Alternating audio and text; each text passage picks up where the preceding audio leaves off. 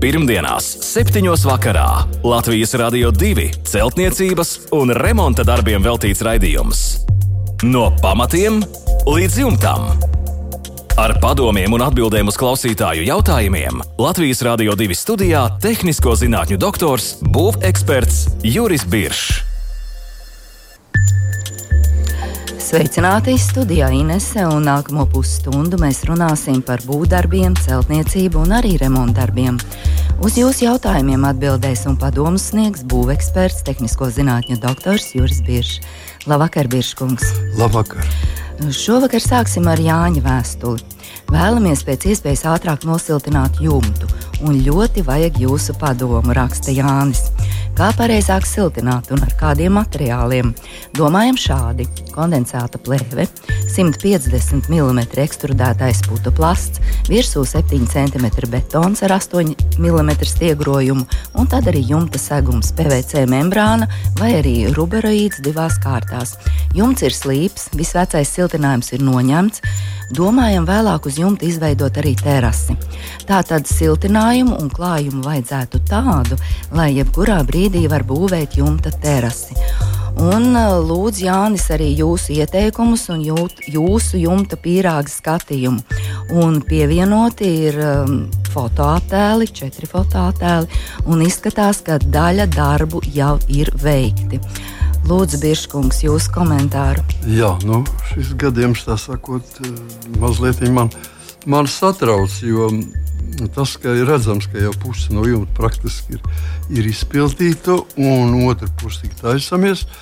Praktiski man būtu ļoti daudz kas iebilstams pret šādu variantu. Jo redziet, šeit cilvēki, kas taisa jumtu, Jānis, ja, respektīvi, viņi ir ieli, ieklājot uz betona vai ķieģeļa virsmas, nezinu, kas tā pa virsmu, ieklājot tātad pret kondensāta plēvi. Ja? Uzskata, ka kondensāts ar to ir likvidēts. Nu, ir jāsaprot, ka nekādas plēves nevar apturēt dabas procesu. Kondensāts ir bijis, būs un vienmēr pastāvēs. Jebkurā pasaules malā, un tikai kaut kur viņš atšķirsies tikai ar, ar kvantitāti. Daudz kaut kur vairāk, jā, kaut kur vairāk, kaut kur, kaut kur mazāk. Un pretkondensāta, jeb tā saucamās jā, pretkondensāta plēva, jeb vienkārši mēs sakām tvaikizolācijas plēva ar antikondensātu pamatne, viņa palīdz uztvert, lai šī šo mitrumu, ja, lai viņi nelaistu tālāk, lai viņš uztiktu sakrāts un viņš zemiņā atrodas gaisa sprauga, un tad var gaisa viņu izveidināt. Tā kā šajā gadījumā nu, nekādas gaisa spraugas nav, cik es saprotu, ir pamatne, uz pamat, jumta pamatne, uz jumta pamatnes tiek liek lūk šī plēve. Tālāk ir ekstrudētais putu plasts, betons, un praktiski jumta segums. Nu, kā, ko mēs darīsim ar to?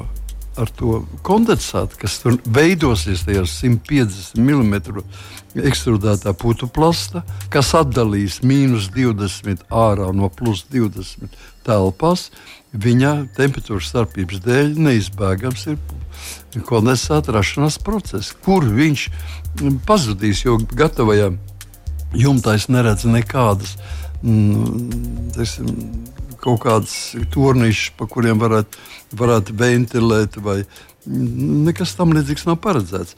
Tāpēc es teiktu, ka pareizs risinājums jūsu gadījumā tātad pirmkārt ir izmest vispār ārā šo kondensātu plēvi, jo mazāk viņu lieto. Viņu var lietot tikai tad, ja zem viņas atrodas gaisa sprauga, tad viņai ir kaut kāda nozīme.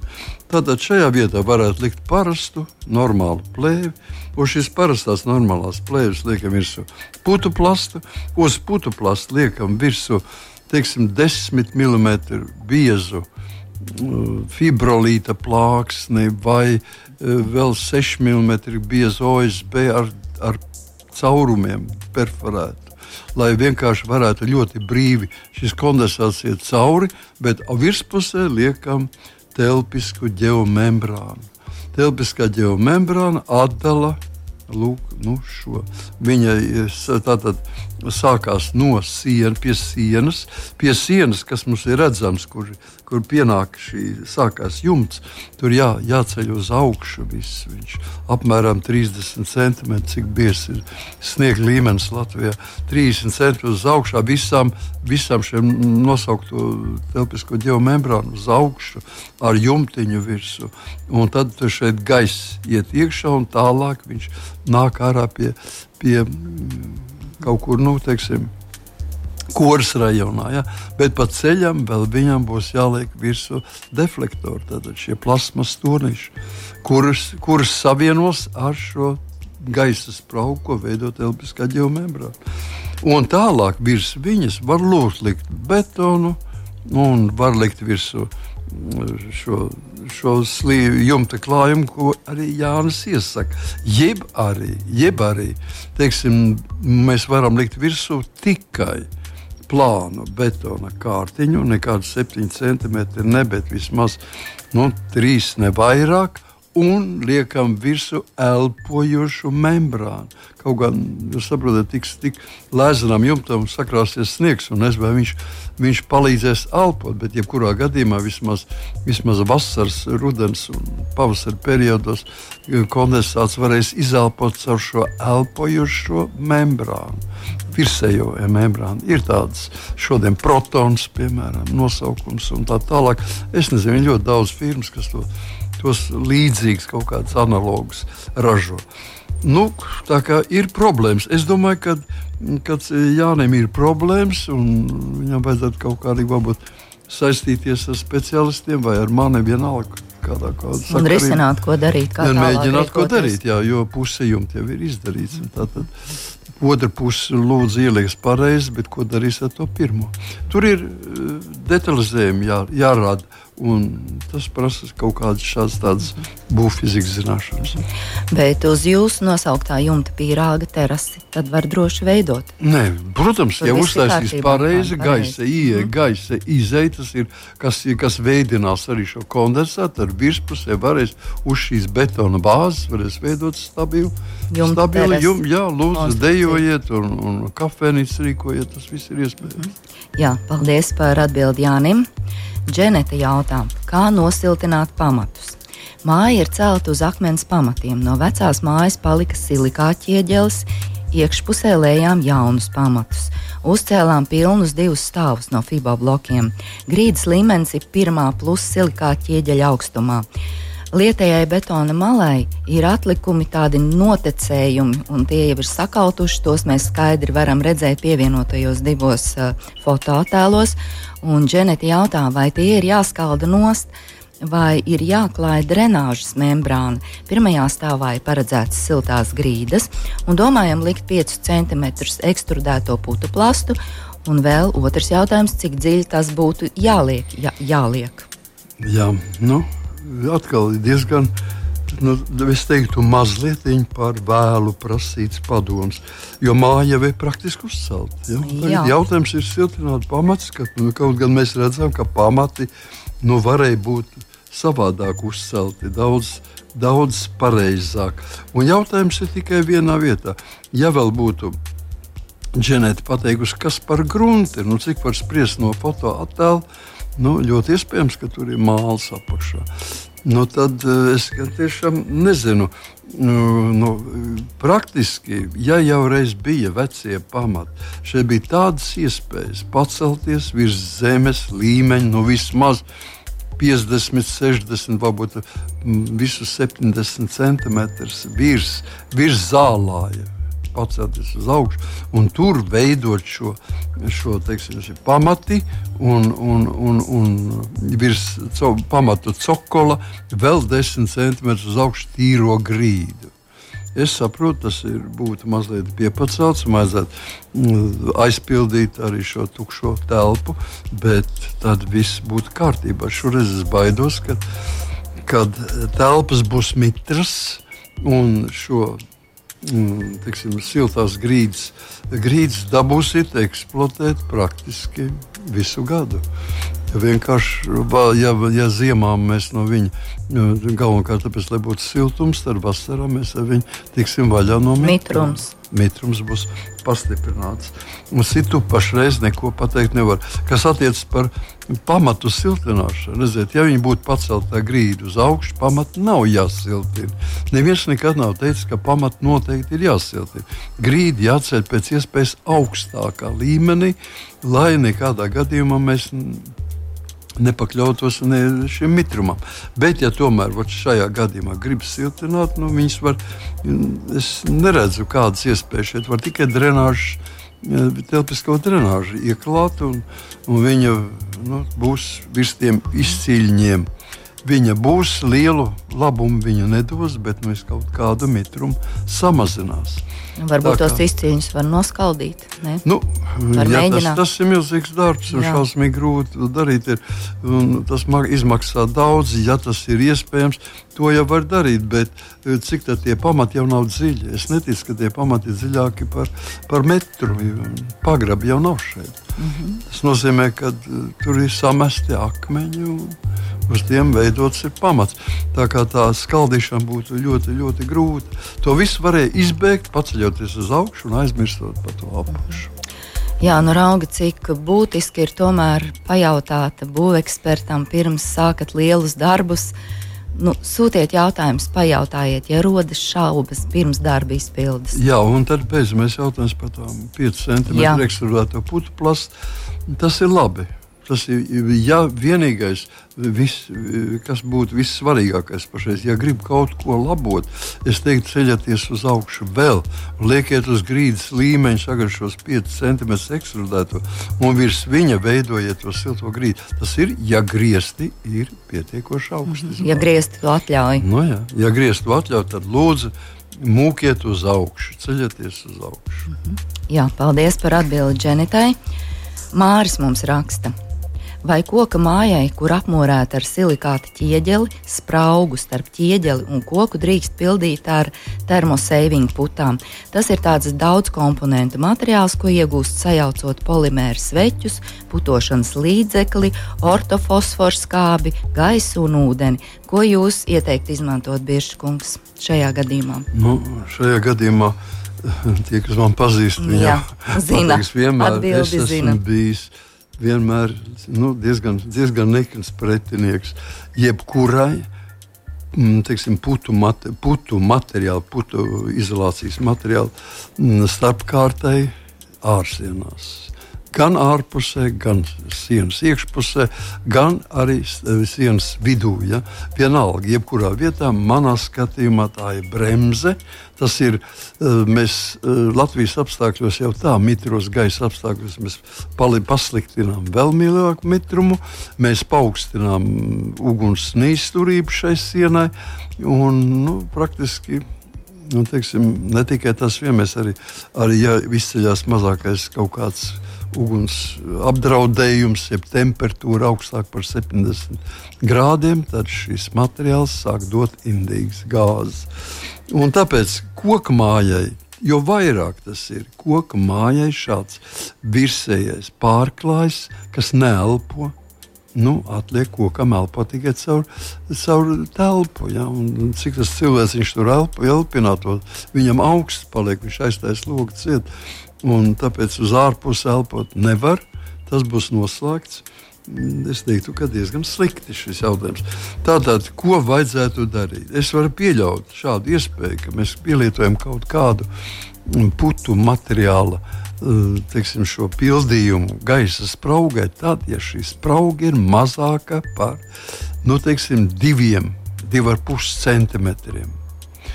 Jo, ja viņi ir trīs centimetri, tad jau mēs varam stabili pielietot šīs putekļu lodītes, kas ir nevis kas ir bir, beramais materiāls, kas brīvi atļauj gaisam izplatīties caur šiem gabaliņiem. Un tad mēs vēl varam atļauties to. Ja šī sprauga ir lielāka par 2,5 cm, es ieteiktu tomēr pielietot vai nu veramo šo materiālu, ko jau tikko nosaucām, Rigiper 035 vai kā viņi savādāk sauc. Līdzīgi tādas daudz firmas piedāvā līdzīgus uzpūstus ar grafītu smēri nosmērēts apmēram 2-3 mm diametra blodīts. Un Jeb mēs pielietojam, ja ir vairāk kā 3 cm, tad vienmēr dabiski, ka ir labs ekovates pildījums. Tas ir lētāks, viņš ir viegli izdarāms un viņš pilnīgi nodrošina mums šo. Mm, to, ka šī sprauga tiek aizpildīta un ka viņa var pat pildīt siltumizolācijas funkcijas. Jā, un gaisa apmaiņa notiek. Jā, tā kā es teiktu, ka uh, ka tikai tajā gadījumā, ja viņa tiešām ir niecīga, centimetrs, pusotra, divi, nu maksimums divi ar pus centimetri, mēs attaisot vaļā un to varam pārliecināties. Tad ir kaut kāda jēga viņu likt ar šīm putām. Citos visos gadījumos tas ir kaitīgi koka mājai. Paldies, Biržkungs, par atbildi Mārim. Un turpinām mēs ar viļņu jautājumu. Un jautājums ir par lielu mitrumu. 1955. gadā celta saimniecības ēka, viens līps jumts ar bēniņu daļu. Klāts ar viļņotām šīfera plāksnēm. Grīda ir betonēta, pamati gan tikai dažus centimetrus no zemes. Abos logos ir ievietotas restītes, un restītes funkcionē visu gadu. Ārsienas no šlagbetona. Mitrums vasaras siltajā periodā ir pat ap 85%, bet pārējā gada laikā 95% un pat vēl vairāk. 2020. gadā jumta bojājuma dēļ vienā stūrī pārsegumā bija ieviesusies uh, tāda liela balta krāsas sēnes, sēnes veidojums. To ir vilnis iznīcinājis ar ķīmiju, bet nu pat pamanījis, ka iekšpusē noglabātajiem ar antiseptiķu apstrādātajiem dēļiem uz virsmas veidojas daudz mazi balti veidojumi un eh, pievienots ir fotoattēls ar šiem veidojumiem. Tas ir uzskatām redzams. Mitruma mērījums uzrāda 17% mitrumu. Un vai uzlabot situāciju būtu sarežģīti, jautā Vilnis, vai veidojot papildu ventilāciju, un tad kādu konstrukciju izvēlēties, varbūt kādu rotējošu, un vai vajag arī dezinficēt iekštelpu un visas telpas koka daļas. Šādi ir jautājumi. Jā, nu jautājumi ir daudz atbildes jau ir redzams jau tajā pašā atbildē. Galvenais, kas visnepatīkamākais, ir tas, ka pamati ir tikai daži centimetri uz augšu, bez zemes. Un skaidrs, ka betona grīda. Mums vienmēr jāatcerās, ka betons ir lielisks materiāls, bet viņš vienmēr uzņem no gaisa, no apkārtnes, no augsnes, no grunts uzņem mitrumu un tikpat viegli arī atdod viņu. Izveidojas vienmēr tāds sava, sava veida līdzsvars starp uzņemto mitrumu un atdoto mitrumu. Tas nozīmē, ka ja ir betons, jums iekšā telpā, viņš rada mitrumu. Tas ir neizbēgami. Un tāpēc mums vajadzētu no viņa kaut kā nu, teiksim, atdalīties. Es saprotu, saimniecības sēkla tas nav tik svarīgi, varbūt, bet nebūtu nekas slikts. Ja, mēs, ja tas ir iespējams, protams, atbrīvot šo ēku, uz grīdas uzklāt telpisko ģeomembrānu, nu, un virs viņas uzlikt dēļu grīdu vai nu, salikt vienkārši dēļus tāpat. Un tad mums šis met, mitrums pazustu. Tālāk paliktu tikai uh, ventilācijas problēma, kas arī šajā ēkā ir obligāta. Es neticu šiem 95 un 85 procentiem. Kaut kur vidēji ap 80% varētu viņš būt. Jo, ja mitruma mērītājs uzrāda dēļiem 17%, tas nav nekas briesmīgs. Tas, ir, jā, tas nozīmē, ka tur var veidoties mm, bioloģisks kaut kāds būtnes. Bet parasti Vissmagākais ir tas, ja mums sākās virs 20. Un tāpēc arī šeit nav sēnes, bet šeit ir pelējums. Tā fotoattēlā redzamie dēļi ir inficēti ar pelējumu. Un šis pelējums ir tāds, nu, kā teikt, nevis tikko veidojies, bet viņš pastāv jau ilgu laiku. Un tāds atsevišķi punktiņi redzami ka gaiss ir mitrs, jā, bet ne tik mitrs, lai veidotos puve, bet ir pietiekoši mitrs, lai veidotos pelējums. Un tāpēc vienīgā izēja, kas ir, tā ir ventilācija. Šai telpai ir jārīko piespiedu ventilācija. Tas, ka logos ir restīts, tas neko vēl nenozīmē. Tas nozīmē, ka gaiss var iek iekļūt, ja kāds to gaisu nu, teiksim, pumpēs ārā. Jā. Ja kāds pumpēs no, no turienes ārā, tad viņš nāks iekšā. Bet tāpat tas gaiss neiet. Tur jau ir gaisa kustība ir pārtraukta. Tātad, lai veidot šo ventilāciju, mums ir jāveido. Nu, es nezinu, esmu diezgan bieži to stāstījis, bet pašais, eh, lai ļoti īsi sakot, ar, ja tā ir saimniecības telpa, brīva pieeja praktiski visā platībā, tad izvēlamies divus vis tālākos stūrus pa diagonāli un vienā veidojam cauruli, kas iet uz augšu virs jumta un beidzās pie griestiem, un otrā veidojam cauruli, kas iet līdz pašai grīdas, līdz uh, telpas grīdai. Un tad to telpas grīdā ārā virs jumta viņi vienādā augstumā. Un tad mēs to kas, kas cauruli, kas ir zem. Tātad līdz pašai grīdai nolaist, mēs viņu pamazām saīsinām, saīsinām, saīsinām, griežam it kā nost teorētiski. Ja? Un pēc zināmā laika veidojas mums gaisa plūsma. Sajūtam šo cirkulāciju. Jā, mēs esam e, dotajā gadījumā, mums vienkārši gaisa spiež uz abām caurulēm, bet tur e, ir, veidojas līdzsvars. Un, un, un ja mēs ceļam uz vienu to cauruli uz augšu, tad pie zināma augstuma mums veidojas nu, disbalans, gaisa sāk kustēties. Nu, viņš var iet gan uz vienu, gan uz otru pusi. Kā, nu, tur, tas ir ārējie apstākļi. Un tādā veidā mēs panākam, ka bez nekādas elektrības, bez nekādiem zudumiem mums cauru gadu ir, ir gaisa kustība. Ja viņu vajag regulēt, uzliekam tur virsū teiksim, regulu, nu, teiksim, uz vārstu, ar kur mēs varam vairāk vai mazāk pagriezt šo gaisa, gaisa padevi. Un tādā veidā visiem trīs līdzekļiem - grīda, tātad ventilācija. Un tā tad uh, šīs, kas paliek, vēl dezinfekcija. Lai saglabātu visus kokus, viņus ir jāiznes ārā un kārtīgi ārā dezinficējuši šķidrumu Nu, Jāapstrādā. Ir mm -hmm. antifungicīdu šķīdumi, kuras firmas ļoti daudz dažādas ražo. Ir viņu jāapstrādā visas puses. Un pēc tam varam nest kā liekšā kārtīgi likt uz, mm, uz tā saucamiem paliktņiem mm, ar gaisa spraugu. Mēs varam kārtīgi salikt tā kā pa jaunu. Tad viss būs kārtībā. Jā, paldies par atbildi Vilnim. Esam iegādājušies līvāna tipa māju, mums raksta Santa. Protams, prasās remonts. Plēšam no tapetes, zem tapetēm, visās telpās OSB plāksnes. Kā šīs plāksnes apstrādāt, lai varētu uzklāt izvēlēto krāsu? Šāds ir jautājums. Manāmas ir arī šuvju vietas. Kā aizpildīt šīs šuves? Arī griezti ir no OSB ar manāmām šķirbām nokrāsot ar eļļas krāsu. Kādi būtu griestu apdars varianti šajā gadījumā? Līvāna tipa mājai. Jā, nu tas ir līvāna tipa māja ar visām savām problēmām. Nu, tik vienkārši tā lieta nav. Zem, tā, zem tā OSB arī mums parādīsies vai nu sastās, sasēdusies akmens, vateja, tā ir tā laika minerāla vata. Nu, tā tad ļoti stipri sēdās, un tad tur var būt daži, dažādi tukšumi. Un tas tik tālu es pat neieteiktu skatīties, jo savādāk viss tā māja varēs būs praktiski jāuzstājas pa jaunu. Tāpēc es iesaku sekojuši. Nedarīt neko. Var noņemt tāpēc, ja viņas ir veselas, ja viņas nepelē. Un uzklāt virsū gan uz sienām, gan uz grīdas, ir bez, bez pagraba. Un uz griestiem tāpat mīkstas kokšķiedra plāksnes.